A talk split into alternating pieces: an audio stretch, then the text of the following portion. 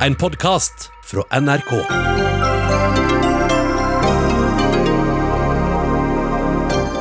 Milliardverdier forduftet på Oslo Børs. I dag endte det med verste fall siden finanskrisa i 2008.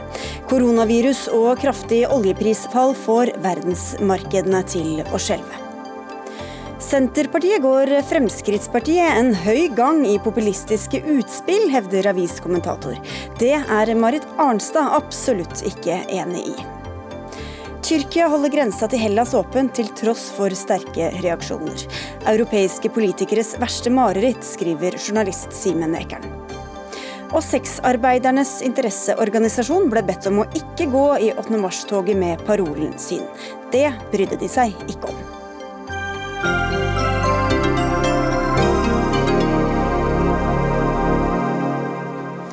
Vel møtt til Dagsnytt 18, hvor vi også skal snakke om korona og helsemyndighetenes råd. Jeg heter Sigrid Solund. Det ble satt mange negative rekorder på kort tid i morges. Verste enkeltfall på Oslo Børs siden slutten av 80-tallet. Verdien av den norske krona havnet på sitt laveste nivå noen gang. En euro koster nå nærmere 11 kroner, en dansk krone 1,50. Mange har dratt paralleller tilbake til både finanskrisa i 2008 og til børskrakket i 1987.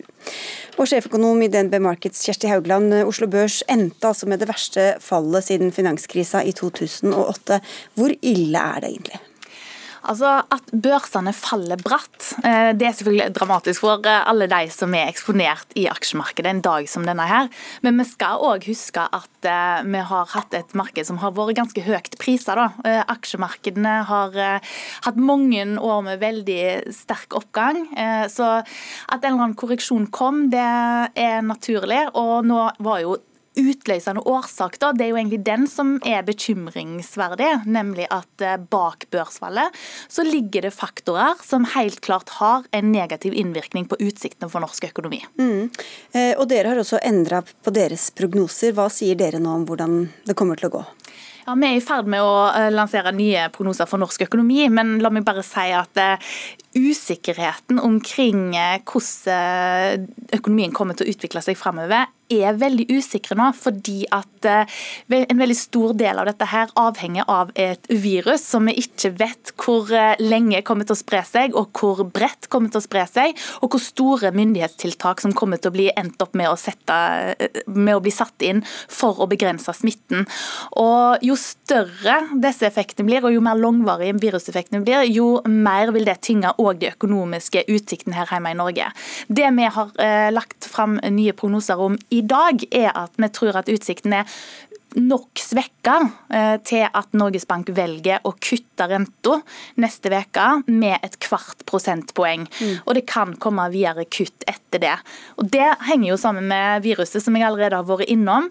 Eh, men det henger òg sammen med den nyheten vi har fått da, over helga nå, om at eh, oljeprisen faller betydelig pga. en priskrig som mm. er i gang.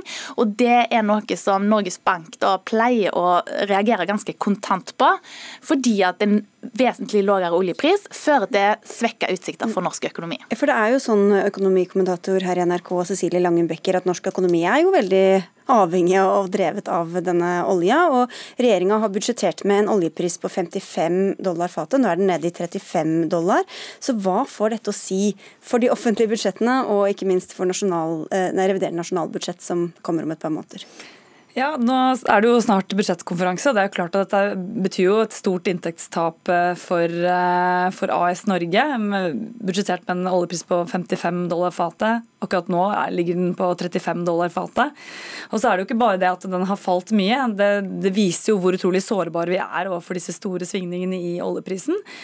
Og når de nå skal sette seg ned og prøve å finne ut av dette her, hvilken eh, oljepris skal de budsjettere med, det er nesten umulig å si. fordi vi vet jo ikke om eller når Saudi-Arabia og Russland eventuelt blir enige. Dette kan jo trekke ut i måneder, det kan bli en avklaring allerede denne uken. Så nå har regjeringen en ekstra krevende øvelse når de da skal sette opp eh, et revidert budsjett for 2020. Og så er det jo ikke bare sånn at vi får mindre oljeinntekter, vi har jo også investert eh, oljefondet på børsen rundt omkring. Hva, hva skjer med de investeringene nå? For de som er litt sånn ekstra interessert, så kan man følge med hele dagen lang på mbim.no. og Da ser man jo hvordan det teller opp og ned dette oljefondet. Og I dag så har det jo vært telt eh, nedover stort sett. Så nå ligger vi jo nå igjen under 10 000 eh, milliarder kroner i oljefondet. og Nå er vi nede på nitallet. Så det er klart at eh, oljefondet har jo blitt mindre. og Det betyr jo også at det blir mindre rom i budsjettene. Fordi vi har lavere avkastning da å leve av, som jo er et viktig tilskudd til statsbudsjettet. Vi skal uh, snakke mer om norsk økonomi, men dette er jo en uro som er å finne over hele verden, og ikke minst der hvor du er i USA, Anders Magnus, uh, korrespondent. Børsene på Wall Street fulgte etter uh, Europa og Asia. Hva er det som først og fremst skremmer amerikanske investorer? Det er jo oljeprisnedgangen. Vanligvis så skulle man tro at det var godt nytt i USA, som bruker mye olje, har mye biltrafikk. Men nå eh, de siste tiårene så har jo USA blitt en netto oljeprodusent. Og særlig skiferoljeproduksjonen trenger en høy oljepris for å opprettholdes. Så amerikanerne er nå redde for sin egen oljeproduksjon, i tillegg til at de får eh, færre innsatsvarer fra Kina pga. koronaviruset, slik at eh, det blir mindre produksjon i amerikansk industri. Og så er det jo selvfølgelig eh, her, som eh, mange andre steder i verden, eh, luftfartsindustrien, turistindustrien, restauranter, konserter, kinoer osv. De går nå veldig harde tider i møte. Og så har president Donald Trump fått kritikk for å ikke ta dette alvorlig nok. Hvordan reagerer folk og næringsliv på hans håndtering av situasjonen? Trump har jo hele tiden forsøkt å berolige og si at dette er ikke så farlig, det går snart over. Sannsynligvis fordi han er først og fremst redd for hvordan det skal gå på børsene. Det rådet har ikke vært så veldig godt, fordi eh, han har også sagt at folk bare kan gå på jobb. Og det gjør amerikanerne stort sett. Det, et av de store problemene her er jo at det ikke er så veldig mange som har sykepenger. De har ikke råd til å være 14 dager i hjemmekarantene. Og selv om de kanskje vet til og med at de er smittet, så eh, kommer de sannsynligvis til å gå på jobb, fordi de er avhengig av disse disse inntektene. Men det er få som vet om de er smittet, fordi, og dette er den store blunderen her i USA, det er at uh, man har ikke fått ut nok uh, test... Uh, sett, sånn at man kan ha testet mange nok i befolkningen for å finne ut hvordan man skal forsøke å begrense spredningen av dette viruset. Så det er den, Dette er jo den aller største bekymringen blant helsepersonell akkurat nå om dagen. Takk skal du ha, Anders. Eh, Cecilie, kan, du nevnte det store politiske her, eller økonomien. Men hva kan det få å si for nordmenns lommebok hvis de ikke er aksjespekulanter eller jobber i oljeindustrien også? Um, ja, altså nå, nå er, henger oljeindustrien sammen med alt det vi andre gjør. Oljeindustrien er jo veldig viktig for norsk økonomi. og Dersom oljeprisen blir på dette nivået, her, så har vi jo en varig endring i hele forutsetningen vår for å drive oljevirksomhet. Så Sånn sett så er det ikke bare oljeselskapene, men også kanskje spesielt oljeserviceindustrien nå, som kan få det veldig tøft. og Da kan vi få permitteringer og oppsigelser. og Det vil jo skape ringvirkninger eh, i eh, oljetunge regioner. Vi så jo sist under oljekrisen hvordan dette spredde seg eh, bl.a. til boligmarkedet i Stavanger. sånn at eh, vi, er, vi, må nesten se alt sammen i et stort eh, bilde. Så konsekvensene for norsk økonomi kan jo bli dramatiske dersom, dersom vi holder oss på en oljepris på godt under 40 dollar fatet en god stund. Og Nå skal lønnsforhandlingene, lønnsoppgjøret, begynne. Kan du, hvordan kan det slå inn der? Nå har jo partene de hadde kickoff i dag, og så skal de jo sette seg ned i morgen. og Da har jo arbeidsgiversiden sagt at nå må det bli et moderat oppgjør. Nå har vi dette, denne koronakrisen og vi har dette kraftige oljeprisfallet, så nå må vi være moderate. Vi skal langt ned på totallet, hørte vi Stein Lier Hansen sa tidligere i dag. Så det er klart at dette brukes jo for det det er verdt, men det er jo også slik at det er jo en realitet dette her som de står overfor, så det er jo ikke bare et retorisk grep. Men foreløpig er det altså først og fremst ja, det er reiselivsbransjen, men også som du nevner oljebransjen som merker dette. Ståle Kyllingstad, du er administrerende direktør i IKM-konsernet, som altså leverer utstyr og tjenester til oljenæringa. Hvordan er stemninga i leverandørindustrien nå? Stemningen er foreløpig ganske god. For det at vi har hatt en veldig god vinter bak oss og har veldig mye å gjøre for øyeblikket. Og Heldigvis for oss nå så er vi i en langsiktig bransje. Det vil si at Beslutninger tatt i fjor er de vi arbeider på dette året. Og de, Vi vil ha mye å gjøre nå. Selv med en oljepris på 35 dollar, så vil vi ha en, et, en bra vår, en bra sommer. For det, det, det er tatt så mange beslutninger. Det er investert så mye penger allerede i eksisterende vedlikeholdsprogram og i eksisterende utbygginger. Så, så den umiddelbare effekten treffer ikke oss ennå. Det er med reservedeler og det er med at vi vil mangle innsatsfaktorer. Det vil komme fortløpende. Men akkurat nå så er det ikke noen fare, stor fare for store permitteringer etc., sånn som sist gang. Mm. Så er vi også bare rusta nå. Vi har en mye mer god kostnadsbase. Så i dag så produserer vi og gjør ting mye billigere enn vi gjorde sist gang. Vi var heller ikke forberedt på det, verken vi eller oljeselskapene. Oljeselskapene har òg en veldig mye lavere kostpris før de bygger ut feltet. Nå er nok den kostprisen mellom 25 og 31 dollar. Før var den mellom 45 og 50. Så vi er rett og slett mer robust og rusta for den der. Det er sjokket som kom nå i natt. Kjersti Helgeland, det høres ikke ut som det var stor desperasjon i Stavanger foreløpig, i hvert fall? Nei, nå er det jo sånn at nå, nå er økonomien truffet to forskjellige forstyrrelser. Først er det koronaviruset, eh, som virker veldig umiddelbart inn på økonomien, som fører til produksjonskapasitetsproblemer og som stopper aktiviteten her og nå. Som f.eks. hotellpermitteringene og de store flykansellasjonene er eh, eksempler på. Men det som eh, Ståle Kyllingstad snakker om her, er jo nettopp dette effekten av oljeprisfallet. Det virker ikke så umiddelbart. Fordi nettopp det er prosjekter, store prosjekter som er pågående. Oljeselskapene stopper ikke de over natta. Problemet er at hvis oljeprisen blir liggende på dette nivået her, så er det all grunn til å tro at oljeselskapene ønsker å beskytte sin kontantstrøm. Eh, de, de er nødt til å sikre inntektene sine, og de vil nok da kutte ganske betydelig, særlig i sine leiteinvesteringer. Og Det vil slå inn i, i bedriftene mm. og, som er tilknyttet oljeindustrien. Og Det er viktig å peke på at Jeg er enig med Kyllingstad i at vi er i en annen situasjon nå, i form av at olja eh, nå er Eh, en mindre eh, del av økonomien enn det med, eh, som man var i 2014, da oljepris, det store oljeprisfallet kom. Og at nå er industrien bedre rusta i form av lavere kostnader etter den veldig tøffe sparekniven som skjedde da. Men vi har heller ikke like mange lågthengende frukter nå å kutte i. Det er viktig å ta tak i. Så her er det grunn til å tro Marginen er mindre på et vis? Det er nettopp det. Dette kommer nok i større grad enn til å bare gå utover kostnader, til å gå utover volum, rett og slett, i investeringsvirksomheten. Vi skal litt tilbake til politikken, for det er mange partier nå på Stortinget som eh, etterlyser handling fra regjeringa. Vi har invitert både finansminister Jan Tore Sanner og hele Høyre egentlig til å komme til Dagsnytt 18, men eh, ingen takket ja. Eh, men SV-leder Audun Lysbakken, dere krever en krisepakke. Hva skal den gå ut på? Nei, Vi mener at regjeringen nå må være eh, tidlig ute. Ikke somle, sånn som vi så under eh, den forrige eh, si, Det som ble en oljekrise i 2014. Nå har regjeringen budsjettkonferanse om få dager.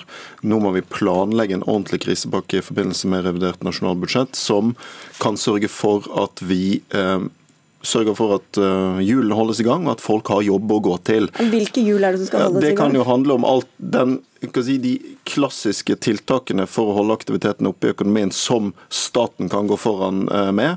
Eh, investeringer til infrastruktur, vei- og banebygging, rassikring, den typen ting som skaper aktivitet. Eh, oppussing av skolebygg, politistasjoner, styrking av kommunene sine budsjetter. Men også, mener jeg, litt mer langsiktig Eh, det å møte den situasjonen som vil komme om en stund, hvis ikke dette snur.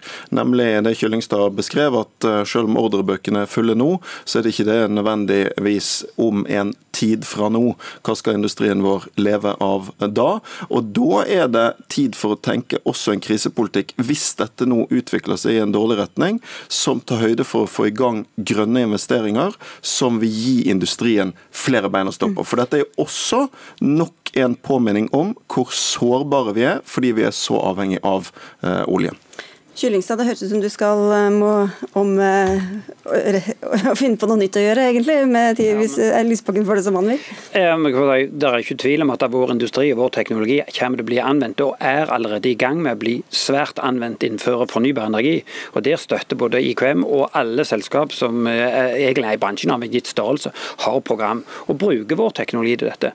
Able er kanskje de som har kommet lengst, men nå flere tusen personer som jobber både i Norge og utland innenfor dette. Så vi bruker jo vår teknologi for å støtte det å gå over til mer fornybar energi. Men vi har òg en fot i den gamle olje- og gassindustrien, det vil vi fortsette. Og som nå, som Kjersti Haugland òg sier, det er deler av vår industri rammes fåere enn annet. Jeg er òg redd for boring. Det er nok det, altså leteboring er noe av det som rammes først. Og kanskje òg offshore rederi, maritim industri, altså vil ramme litt fortere. Men når du har begynt å bruke milliarder, så vil du alltid sluttføre det. Det er nesten som å bygge et hus eller et bygg. Du bygger det ferdig selv om det blir dårlige tider når du er midt i det. For det er enda dyrere å la være. Og, og, Dermed så har vi en, en, en sakte skal vi si, nedflating hvis oljeprisen legger seg på 35 dollar. Men personlig, det er så store beløp involvert. Nå produserer både Saudi-Arabia og Russland ca. 10 millioner fat per dag. og Når du ser på hva de økonomiske konsekvensene har for dem, så litt ned i veien, tror jeg fremdeles de blir enige. Men, og Lysbakken, Det du skisserer, egentlig, det er jo bare deres primærpolitikk uansett, så det har jo ikke så mye med egentlig dette vi står overfor nå å gjøre? Jo, det har veldig mye med det å gjøre. fordi eh, en av lærdommene fra finanskrisen er jo at verden ikke den gangen satte i gang de tiltak som gjorde at man både kunne løse de underliggende økonomiske problemene og samtidig komme i gang med nødvendige omstillinger. Det Kyllingstad beskriver, er helt riktig. Jeg var på Aibel Haugesund senest på torsdag. og Der drøftet vi mulighetene innenfor havvind f.eks. Men industrien får ikke de oppdragene hvis ikke staten går foran med de investeringene som trengs for å få i gang et marked. Og Da må vi se på, eh, når vi nå er i en vanskelig situasjon, så ligger det tross alt også noen muligheter der til å gripe den og få i gang den typen tiltak. Så du må både gjøre det som har veldig kortsiktig effekt, eh, som jeg snakket om i sted, altså mm. disse raske investeringene som handler om uløste oppgaver, men også disse tingene som gjør at vi kan komme i gang med en gradvis omstilling som gjør at folk beholder jobbene sine, samtidig som vi løser samfunnsproblemer. Jeg håper jo veldig at uh, Sanner og co. når de nå legger fram antageligvis noen tiltak eh, om relativt kort tid, så håper jeg de blir målretta. Altså retta direkte inn der skoen trykker. De bedriftene, de bransjene som har problemer.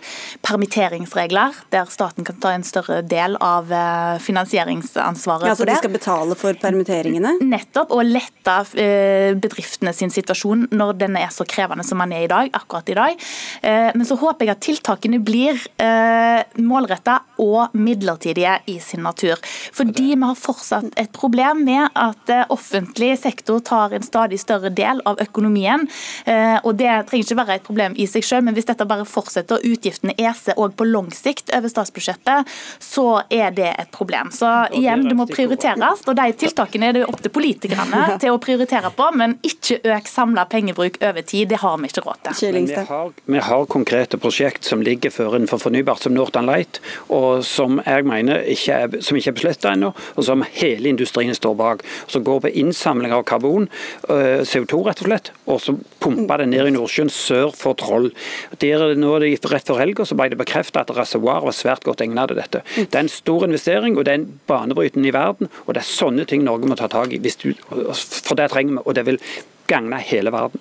Nettopp, og Dette er riktig tidspunkt å gjøre det på. Havvind er nevnt, karbonfangst og -lagring, eh, satsing på nullutslippsfartøy. Disse tingene kan gjøre at vi både løser klimakrisen og kommer bedre gjennom en økonomisk nedtur. Så vil jeg si at Hvis du ser globalt på dette, så er den store oppgaven nå å komme gjennom en eventuell ny økonomisk nedtur på en bedre måte enn man kom gjennom den forrige finanskrisen, der altså bankene og de som hadde store penger på børsene, etter hvert fikk verdiene sine tilbake men prisen for krisen blir lempet over på vanlige folk. Denne gangen så må det være på en annen måte. Det må være en sosial respons, og det må være en grønn respons. Nå ble det mye enighet her, men sånn blir det når ingen fra regjeringspartiene kommer. Takk skal dere ha, i hvert fall eh, alle sammen. Kjersti Haugland fra DNB Markets, Ståle Kyllingstad fra IKM-konsernet, til SV-leder Audun Lysbakken, og våre egne Cecilie Langebekker og Anders Magnus. Dagsnytt 18 alle hverdager klokka 18 på NRK P2 og NRK2.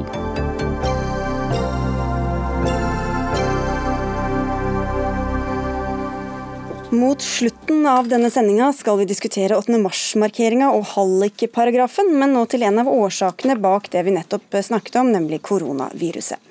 Per nå er det 192 registrerte smittede i Norge, 23 er påvist det siste døgnet. I går kunne passasjerer fra Bergamo i Italia rusle ut fra flyet på Torp i Vestfold uten at de møtte noen smitteverntiltak, mens passasjerer på Gardermoen møtte ansatte dekket i gule plastdresser fra topp til tå. I dag var beskjeden fra Helsedirektoratet at flypassasjerer heretter skal møte samme type smittevern eh, hvor enn de lander. Et par timer seinere var det opp til smittevernlegen i Oslo å avlyse morgendagens Bryan Adams-konsert med 7000 solgte billetter. Helsedirektoratet vil ikke komme med noen anbefaling på hvor mange som kan være samlet på konserter og lignende, i motsetning til hva danske myndigheter har gjort. Og hvorfor er dere ikke tydeligere her, Svein Lie, du er fagdirektør i Helsedirektoratet? Vi forstår veldig godt at eh, kommunene trenger råd. Vi har laga sammen med Folkehelseinstituttet en liste over momenter som skal vurderes. Og Spørsmålet om antall er jo et av kriteriene når en vurderer. Men enda mer viktig er å se på hvem kommer. Hvordan er det lagt til rette for å opprettholde hygiene og avstand mellom de som deltar. Og dessuten hvorledes eh, en har innretta matservering og andre ting som medfører, kan medføre smitte. Men vi har dette under kontinuerlig vurdering. Og Vi skal også drøfte dette i et møte vi har i morgen, for å se på de innspillene som kommer. Om vi kan gå enda lenger. Men vi har spurt kommuneleger og fylkesleger om det fungerer før helga, og det sa de ja med de rådene vi har. Og Så er det et sted hvor dere har samkjørt, og det er da på som jeg nevnte på flyplassene. Men det er jo lenge siden vi fikk vite om dette viruset. Hvorfor har dere ikke innført de samme reglene og samme håndteringa før nå? Det er lenge siden vi sa også det til kommuner som har både flyplasser, havner og bussterminaler, at de må være forberedt og følge de rådene som vi har publisert. Og Det tok vi også opp med Sandefjord da det skjedde i går. Så da er det kommunene som ikke har gjort jobben sin, da? Jeg kan ikke alle detaljene om det som skjedde i Sandefjord, men det skal være lik behandling å håndtere de som kommer fra dette området. Og så er det viktig å si at lørdag så gikk vi ut og skjerpa tiltakene, fordi vi nå har sett at det kommer så mange fra Nord-Italia. og Derfor så er det ekstra viktig å være til stede og informere. Men det er jo noe av det kritikken har gått ut på, at det ikke er tydelig nok og, mest, og nok entydige råd fra dere. F.eks. var det snakk om at vi diskuterte her før helgen om helsepersonell skulle håndhilse eller ikke. Nå har dere også endret litt på, på retningslinjene der. Men hvorfor kommer dere ikke med flere tydelige råd som skal gjelde for hele landet? Ja, Nå har vi sagt at håndhilsing det bør en eh, la være å gjøre som ett. Men det er ikke et, det viktigste smitteverntiltaket. Det er viktig å si. Det aller viktigste nå, i denne fasen, er at vi oppsøker alle som har påvist smitte, og sørger for å kartlegge dem og deres kontakter for å begrense videresmitting. Det er en strategi som det er god faglig hold i. Mm. Eh, Evenholt, du er spesialist på indremedisin og hjertesykdommer ved Molo-klinikken i Bærum, og tidligere var du overlege på sykehuset i, i, Bærum. Og Du sier at helsemyndighetenes råd er litt forvirrende. Hva er det som er forvirrende? Nei, Du har jo for så vidt vært inne på det allerede. Eh, dette med at eh, det kom fram at myndighetene vurderte å sette inn tiltak mot fly som kommer fra belastede områder. Og så kom det fly til Gardermoen. Og Der opptretter jo, så vidt jeg forstår, kommunelegen på Ullensaker forbilledlig. Og så kommer det et fly fra Bergamo. Eh, det er klart at de, Jeg ser kanskje 10-20 hjertepasienter hver dag. Og når jeg studerte medisin i Tromsø, så lærte jeg én ting. at Hvis du forteller en pasient en ting, og den oppfatter det feil, så er det aldri pasienten sin skyld. Det er min skyld. Det er helt klart at Når jeg har mange hjertepasienter hver dag, og den ene forteller at dør jeg i morgen, og den andre lurer på om det er nødvendig å vaske hendene, så er det klart at det er ikke pasientens skyld. Da er det per definisjon, etter mitt skjønn Din skyld, da? min skyld. ja. Og i dette tilfellet våre myndigheter sin skyld. Eh, og En annen ting som jeg er sterkt uroet over, det er dette med smittevernsberedskapen. Når pasient, hjertepasienter forteller meg at de har hørt på radioen at det er eh, vanskelig å få tak i, i fornuftig smittevernsberedskap, så vekker det bekymring hos pasientene. Eh, og jeg, jeg var militærlege, så gikk vi inn og så tunnelene. Der var det reservedeler for Forsvaret for de nærmeste 70 årene. Og så har vi nesten gått tom, og så har man lagd såkalt nå et samarbeid med norske bedrifter om eventuelt lage verneutstyr. Det finner jeg høyst urolig. Nå har vi kartlagt eh, materiell som helsetjenesten har, både de regionale helseforetakene og andre, og ser at eh, det er en knapphet, men vi har allikevel for den nærmeste tida. Derfor dette initiativet med industrien. Og det har faktisk dukka opp en del tilbydere, så her har vi i ferd med å organisere dette gjennom det som heter sykehusinnkjøp. Og så må jeg få si det om å informere. Du har helt rett. Alle flyplasser skal håndtere de som kommer likt. Når vi så at dette ikke skjedde, så tok vi også straks kontakt. Så dette er ikke uttrykk for at vi mangler retningslinjer. Det er nære, snarere sånn at vi har gjort oppmerksom på dette tidligere. Og så ser vi at vi må ta det opp hvis det skjer et avvik. Det har vi gjort. Men tror, Hvilket ansvar har dere da, hvis, hvis, hvis dere ser at dette, er, at dette, blir misforstått eller ikke oppfattet da, av dem som skal håndtere det? Hvor er deres ansvar da? Da må vi korrigere og sette inn nye vurderinger og tiltak. Ja, men Kan det, det skyldes at dere har vært for utydelige eller for vage i det dere har prøvd å kommunisere? På dette området har det vært tydelig at en skal være oppmerksom på reisende. Men nå må vi huske at den kan du si, skjerpede beredskapen på reisende fra Nord-Italia den kom og ble publisert på lørdag. Eh, derfor så har det kanskje vært noen timers latens eller utsatt tid for noen. Men vi er helt enige om at de tiltakene som gjelder, de skal gjelde overalt og alle. Og det er ingen som skal unnskylde seg fra det. Vi skal ta inn deg også, Hegge Ulstein, kommentator i Dagsavisen. Du spør i en kommentar du hadde på trykk på lørdag om myndighetene eller om, om de er mer bekymra for spredning av panikk enn spredning av et dødelig virus. Og hva er det du tenker på da? Det er bl.a. det vi hører her. Um, når vi nå får vite at uh, denne instruksen til flyplassene kom på lørdag, altså i dag er det 9. mars. Uh, det var klart at dette utbruddet kom i Kina i ja, romjula på nyåret. Det er tre måneder siden. Og kineserne har jo uh, bidratt til å kjøpe oss tid med de veldig alvorlige tiltakene de satte inn. Og Jeg lurer veldig på hva som har skjedd i alle disse ukene etter at Helsedirektoratet også selv sa at dette viruset kan komme til Norge, og vi kan få en stor smittespredning her.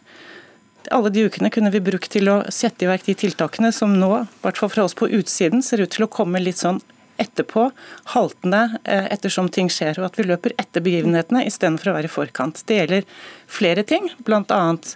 som Even Holt var inne på, dette med beredskapslager, altså smittevernutstyr. Jeg har et inntrykk av at det er altfor få tester. Alle disse passasjerene som kommer fra Nord-Italia til Norge nå med fly, testes alle de? I så fall, hvorfor ikke? Eh, jeg har kjent med flere historier om folk som ikke eh, får anledning til å teste seg når de oppsøker helsevesen.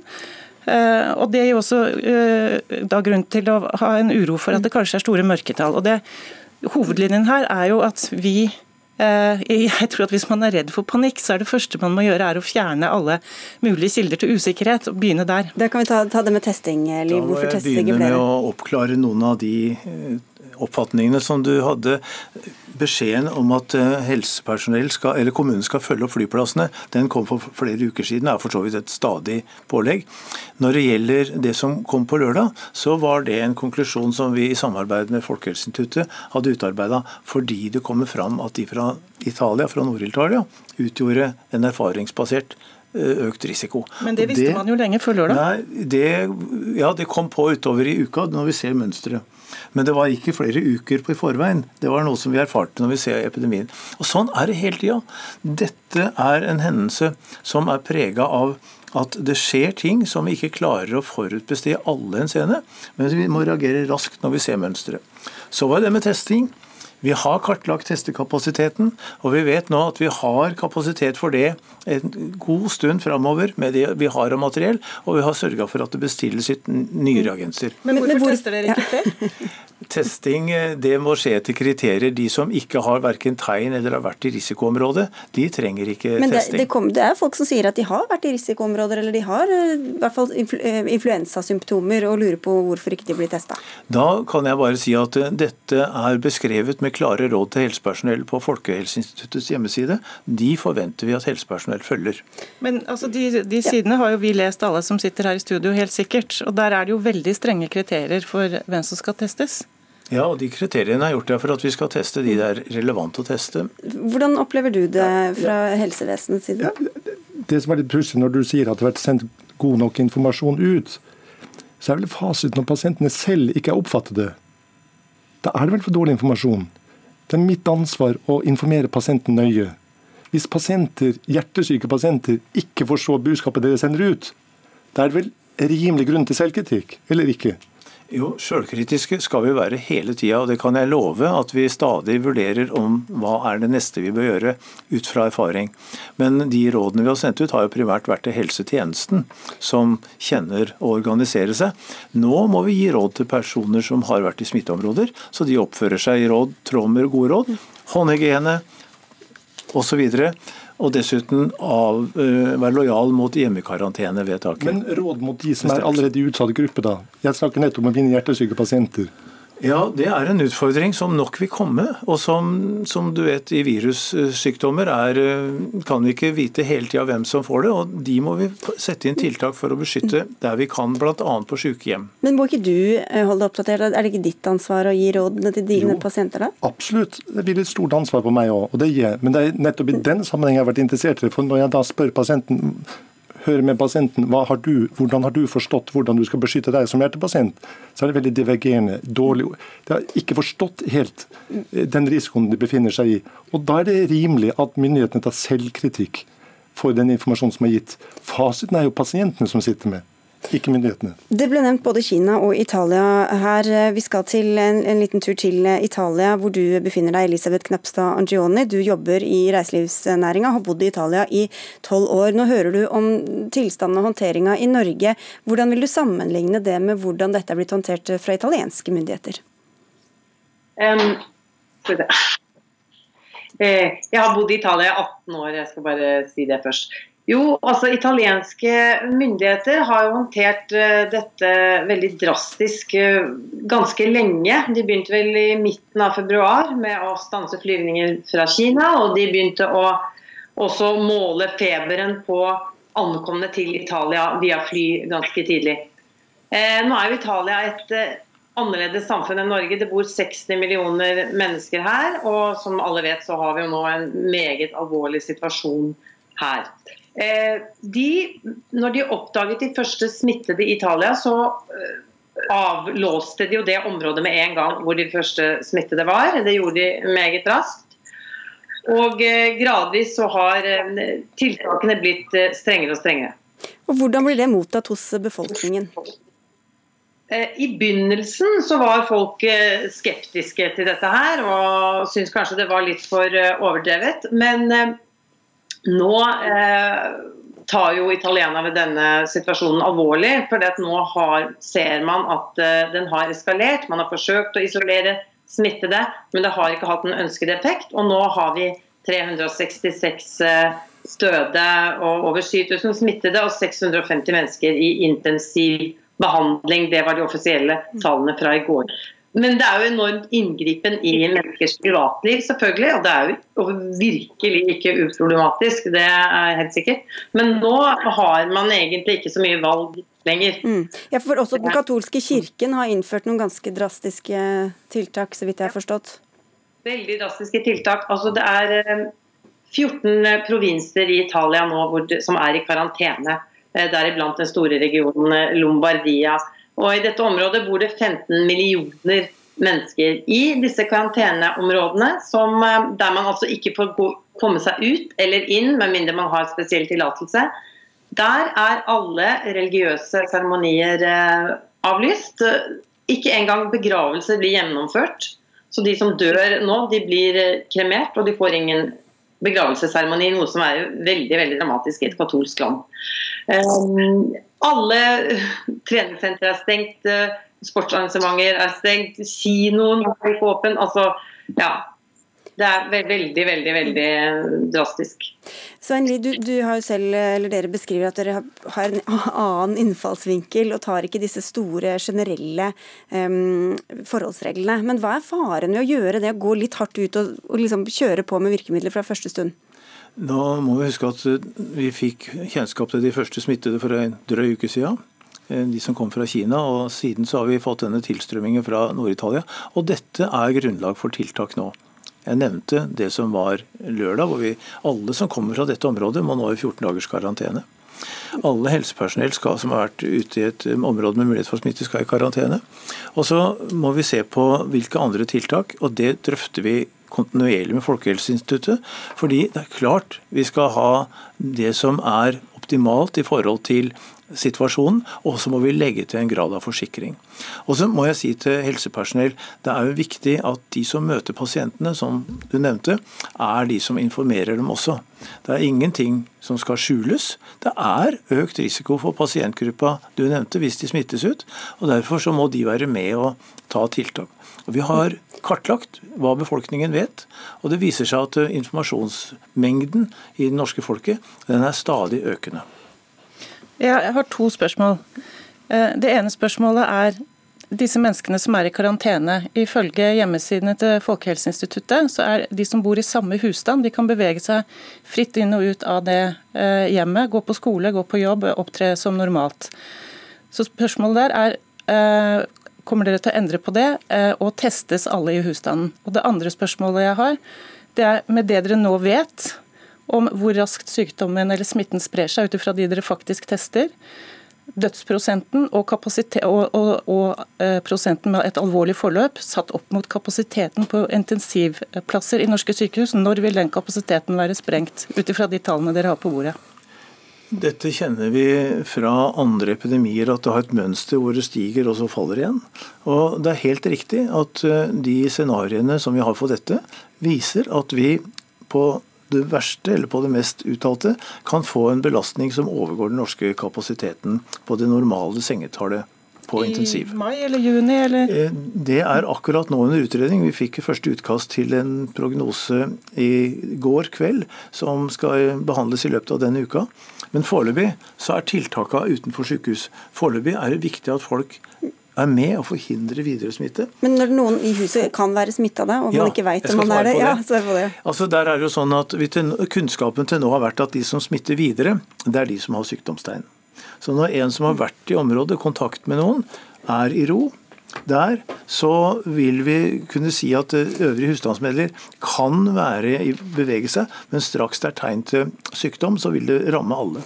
Ok, Even holdt en kort kommentar på tampen. Helt til slutt. Min kontakt med kolleger på norske sykehus eh, gjennom 20 år bekymringen på norske intensivavdelinger er nok vesentlig større enn det det er hos myndighetene. Det tror jeg knapt den kan være, men vi er i ferd med å sette inn tiltak. Og i dag hadde vi et eget eh, Skulle hatt et seminar, men det ble et webinar for at de ikke skulle flytte folk fysisk, for å gå gjennom siste nytt, bl.a. med en overlege fra Milano. Ok, men dere helt, helt til slutt, Li, for Det er noen som tar ganske drastiske tiltak. I Bø i Vesterålen så er alle skolene stengt, selv om de ikke kjenner til noen smittede i kommunen. Hva syns du om det tiltaket? Ja, Det kjenner jeg ikke til, men det høres ut som det går utover det som en har tydelig grunnlag for. Men men her er det viktig at en kan gjøre lokale disponeringer. Det er derfor kommunene har ansvaret i første rekke. Og så kan Helsedirektoratet fatte vedtak om det er et omfattende problem. Vi får si takk til dere alle og håpe at vi ble i hvert fall litt eh, klokere. Takk skal du ha, Svein Lie fra Helsedirektoratet, til Even Holt, som er spesialist på indremedisin og hjertesykdommer, til kommentator Hege Ulstein og til Elisabeth Knapstad Angioni med fra Italia.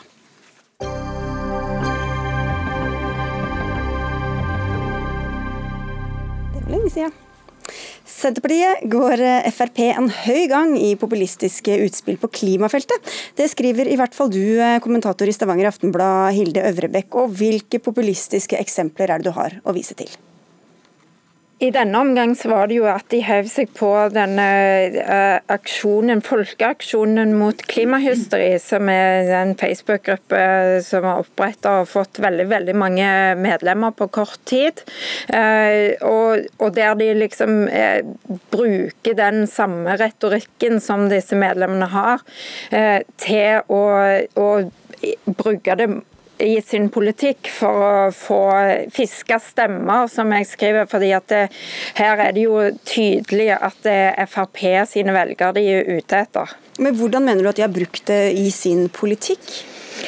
Ehm, eh, stortingsrepresentant eh, Gjelsvik han skrev jo i et uh, skriftlig spørsmål til statsministeren om ikke hun burde unnskylde seg overfor disse uh, i denne Facebook-gruppa, etter at hun kalte det for et sammensurium av folk.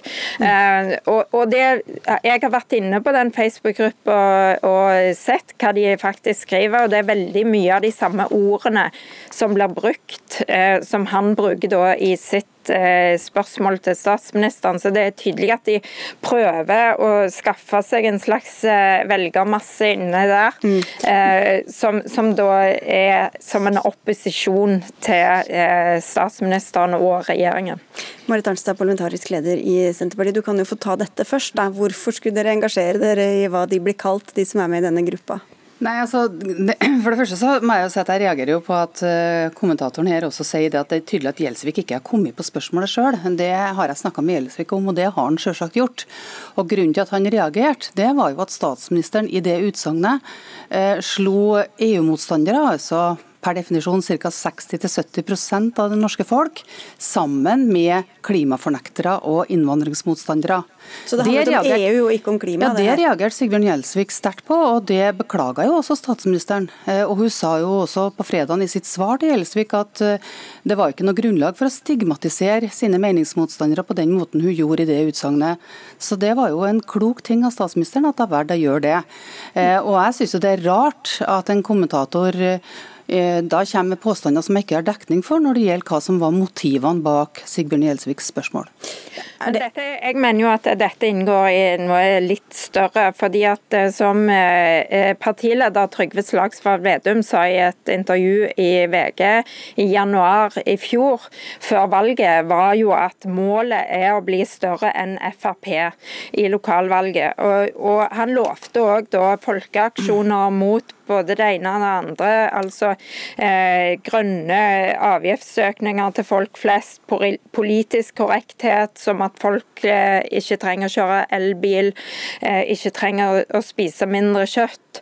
Altså det, det, er veldig mange sånne eksempler på at Senterpartiet den siste tiden hopper på sånne type eh, folkeaksjoner eller mening eh, som folk flest, eh, som de kaller seg ofte, har, og at det på den måten de da, som Slagsvold Vedum sier selv, eh, prøver å kapre eh, Frp sine velgere på. Ja, Det er en annen påstand som kommentatoren kommer med som jeg ikke har dekning for.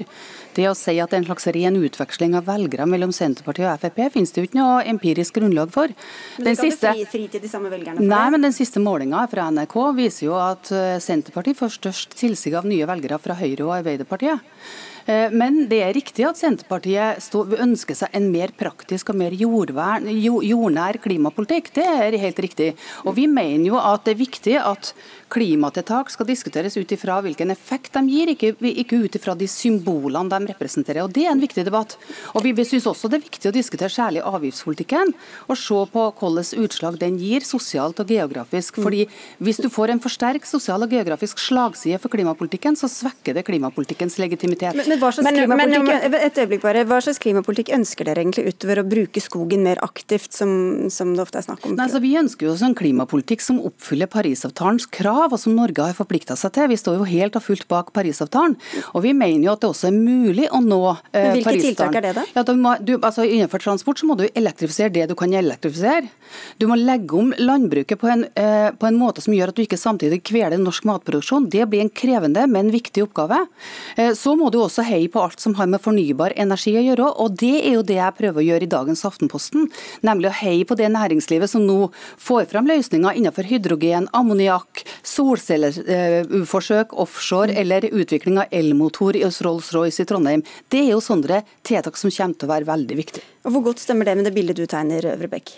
Jo, men, men, jeg har, eh, som jeg òg skriver i kommentaren, at dette var ikke en kommentar om eh, verken klimahysteri eller om det er klimakrise. fordi at det, eh, det handla ikke om politikk. For Senterpartiet sin politikk kjenner jeg godt, og jeg vet at det, det er gode tiltak som ligger inne der, som Marit Arnstad sa i Aftenposten i dag, med, med både å bygge ut eh, mer skog og, og bruke, som Per Olav Lund Lundteigen sier, fotosyntesen mer i, i eh, klimatiltakene. Men dette handler om en slags populistisk retorikk som blir brukt eh, mer og mer for, for da, eh, altså, da, da vender du liksom ryggen til Eller du, du kappen til ryggen altså hele veien mot de, mot de, som brøler høyest.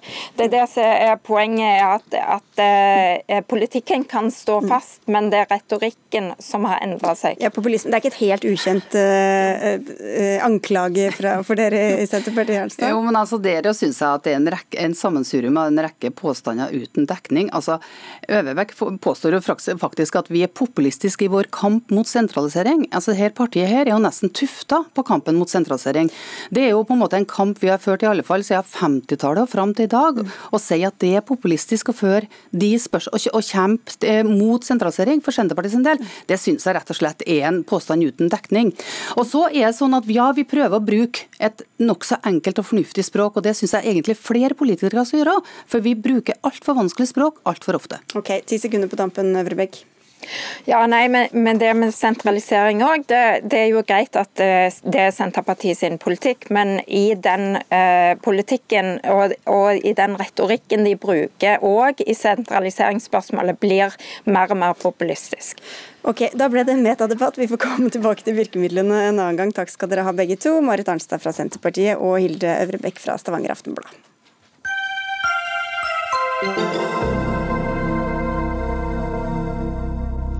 Tyrkias president Recep Erdogan varsler at millioner av syriske flyktninger kan være på vei mot landets grense til Hellas. Samtidig sliter europeiske myndigheter med å bestemme seg for hvordan de skal reagere på det du beskriver som deres verste mareritt, Simen Ekern. Du er journalist og forfatter og har skrevet om denne situasjonen i en kommentar i Morgenbladet. Hvorfor er dette en marerittsituasjon, ikke bare for mange av migrantene selv, men også for de europeiske politikerne?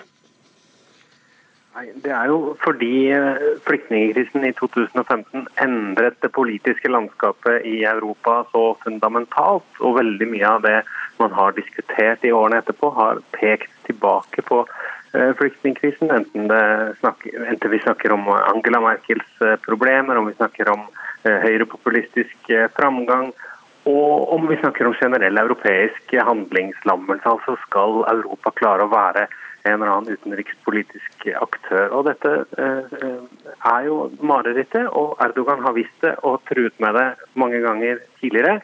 Og nå har han altså gjort alvor av det, iallfall foreløpig. Så får vi se hvor lenge det varer.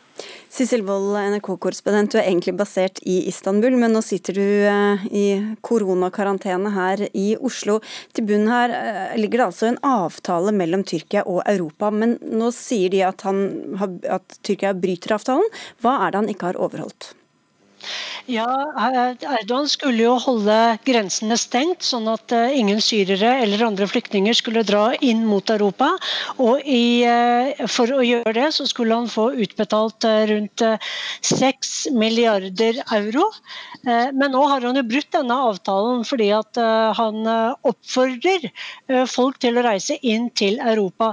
Senest i går så holdt han en tale til Hellas. Da. Han sa hei Hellas, la oss Eh, fri oss fra denne byrden, åpne grensene og la flyktningene og migrantene reise til andre land inn i Europa.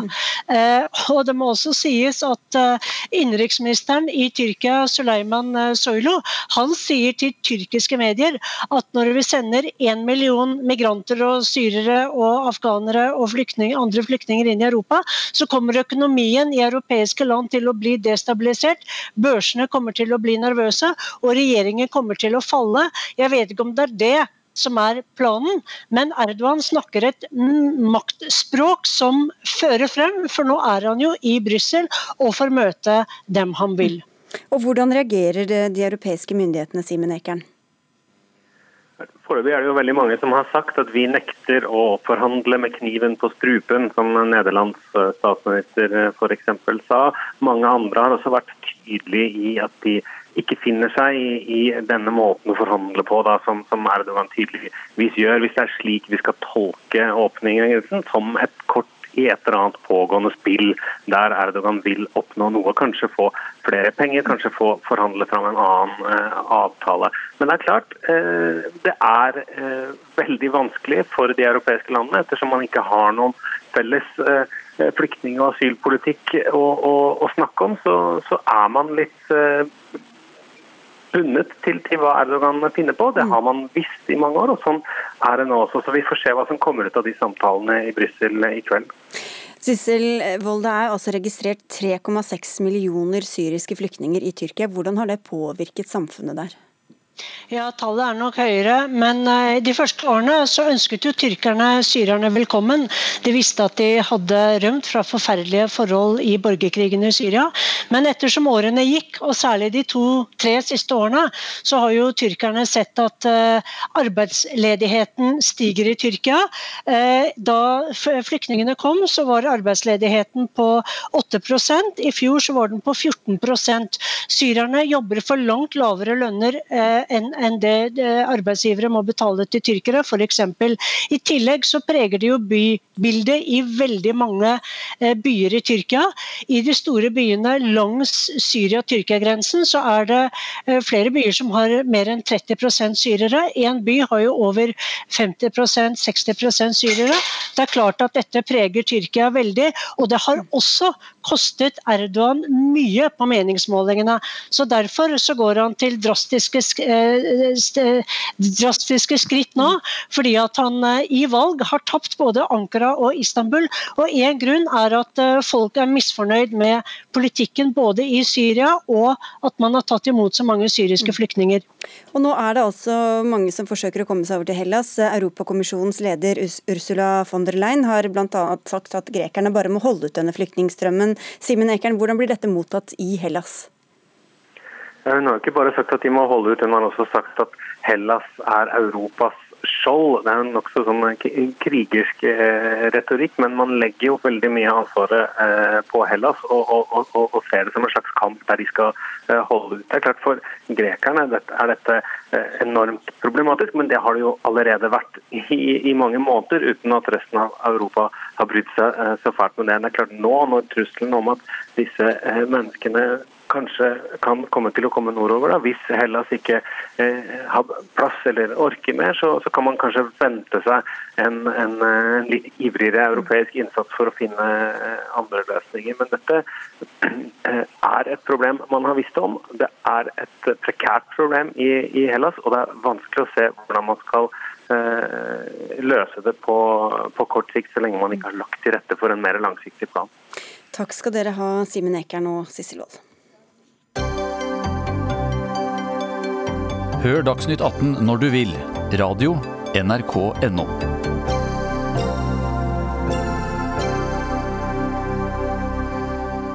Hvert år blir det bråk om 8. mars, så også i år. Det er nemlig flere som vil gå i tog på kvinnedagen under andre paroler enn det komiteene bestemmer seg for.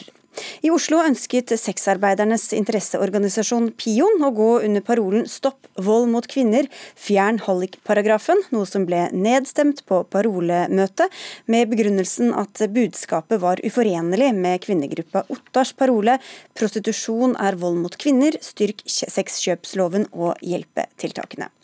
Pion ble bedt om å ikke gå under sin parole, men valgte likevel å gjøre det, for dere mener at dette ikke er motstridende budskap. Andres Lekanger, du er talsperson for eh, Pion. Hvorfor er det ikke det? Eh, fordi det er snakk om to helt forskjellige lovbestemmelser i, eller to forskjellige bestemmelser i straffeloven som håndheves forskjellig. Eh, og Det var ingen hovedparole mot hallikparagrafen. Det er sånn at eh, det er fullt mulig å, altså De som forsvarer sexkjøploven, de forsvarer den bl.a. med at den ikke på papiret kriminaliserer de av oss som selger sex. Og det er fullt mulig å være, mene at prostitusjon er vold, og det er fullt mulig å støtte sexkjøploven og mene at den må styrkes, og samtidig mene at hallikparagrafen må reformeres fordi den rammer Eh, de av oss som selger sex, den gjør det kriminelt å, å selge sex på måter som forebygger vold. Altså mer systematisert, eller hvordan er det hallik hva er det man gjør da, når man har en hallik eller er Altså, Hallikparagrafen kriminaliserer ikke det å utnytte andre til sexsalg. Den kriminaliserer det å leie ut eh, hotellrom eller leilighet til personer som selger sex, og den kriminaliserer det å legge til rette for sexsalg. Så På parolemøtet så var det f.eks. Eh, folk som fortalte at de eh, forebygger vold hos sexarbeidere gjennom å følge sexarbeiderne til møte med kunden og venter eh, utenfor. Dette vil da være forbudt i henhold til hallikparagrafen, men også sexarbeidere som organiserer sexsalg sammen med andre, selger sex fra samme leilighet. Det å selge sex alene øker risiko for vold. Det å selge sex eh, sammen med andre reduserer risiko for vold, og det er kriminelt i henhold til hallikparagrafen. Hanne Størseth, du er presseansvarlig for 8. mars-komiteen i Oslo. Oslo. Hvorfor er dette så umulig å leve med denne parolen under den hovedparolen dere hadde? Ja, Nå var jo jeg blant de som sendte inn denne parolen. Eh, og nå er det jo litt eh, enkelt sagt at når parolen begynner med prostitusjon er vold mot kvinner, så er det liksom For oss er det et ganske sterkt eh, budskap. Det er eh, ganske mye som ligger i det, og det ligger rett og slett i at vi er mot prostitusjon.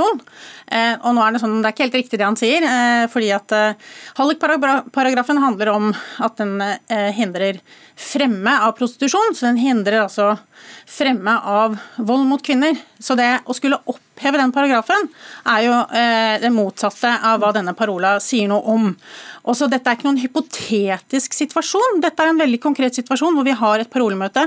8. mars-komiteen er en sammen, eh, samla gjeng av veldig veldig mange ulike meninger og prioriteringer politisk, men vi er kvinnepolitisk aktive og interesserte alle sammen. og en av grunnprinsippene her er jo at vi møtes, vi stemmer over dette. Dette er et politisk arrangement, og så stemmer vi. Og så kommer vi til et, et politisk grunnlag som vi da eh, ikke skal bryte med når vi mm. går i toget. Så at alle er velkommen i toget til å støtte de parolene som er, men å komme med en parole som bryter med parolegrunnlaget på den måten, det eh, er ikke forenlig med, med, hvordan vi gjør dette i 8. mars-komiteen. Men det gjorde dere altså likevel? Ja, altså for det første, Hallik-paragrafen eh, jo hadde et utnyttelsesledd fram til 2003. Da var det veldig klart at det som var målet med loven, det er å verne om sexarbeidere mot utnyttelse. Så tok man ut det utnyttelsesleddet og la det inn i menneskehandelsparagrafen, og da mm. står vi igjen med en mye videre eh, altså Da er det det å legge til rette for. Okay. Og I praksis så betyr det at vi blir kriminalisert. Og så vil jeg si for, ja, det, det, Demokratiet her som dere da tydeligvis setter til side? Altså, vi setter ikke demokratiet til side. Vi har sendt inn et paroleforslag, stopp vold mot kvinner, fjern hallikparagrafen. Det ble nedstemt som hovedparole. Men så lenge det ikke går imot en av hovedparolene, så har vi full rett til å gå i toget. Hvis ikke så har vi mange, det er mange paroler, hovedparoleforslag altså, som ble nedstemt. Diskusjonen med Pion har vi hatt i årevis. Pion eh, kommer hvert år med en eh, pro-prostitusjonsparole. Og de vet veldig godt eh, at man har flertallet i, på parolemøtet har stemt fram paroler som er antiprostitusjon. Altså, Antiprostitusjon, de er pro-prostitusjon. Ja, nei, vet du hva. Altså, det å prøve seg, det er, det er, jo ikke det de gjør. De kommer etter år etter år, og vi har hatt, vært i eh, dialog med de utallige ganger og bedt de om ikke å komme med pro-prostitusjonsparoler, fordi de vet at det provoserer. Eh, at det er Og det er noe med at eh, dette er faktisk arrangement som ikke er, er, er, sånn 'kom med hva du vil'. Altså Den gangen det var en nei til EU-debatt, så var det faktisk sånn at eh, Europabevegelsen skjønte at de ikke kunne gå i toget med en ja til EU, selv om de uhorvelig gjerne ville det. Ja, hvorfor skal du akkurat inn i altså, dette altså, det toget? Sånn, abortsaken, det er mange som er veldig uenig i abortparolene vi har hatt, men det er ingen av de eh, som kommer med paroler mot det i toget. Altså Det er noe med at de skjønner eh, grunnprinsippene her, og de forholder seg til det. og det kommer til å, altså Et sånt arrangement med så mange mennesker, hvor vi har sikkerhetsutfordringer, hvis det skal komme veldig mange som skal drive og provosere med å komme med paroler mot parolegrunnlaget, mm. det er jo noe vi ikke kan ha.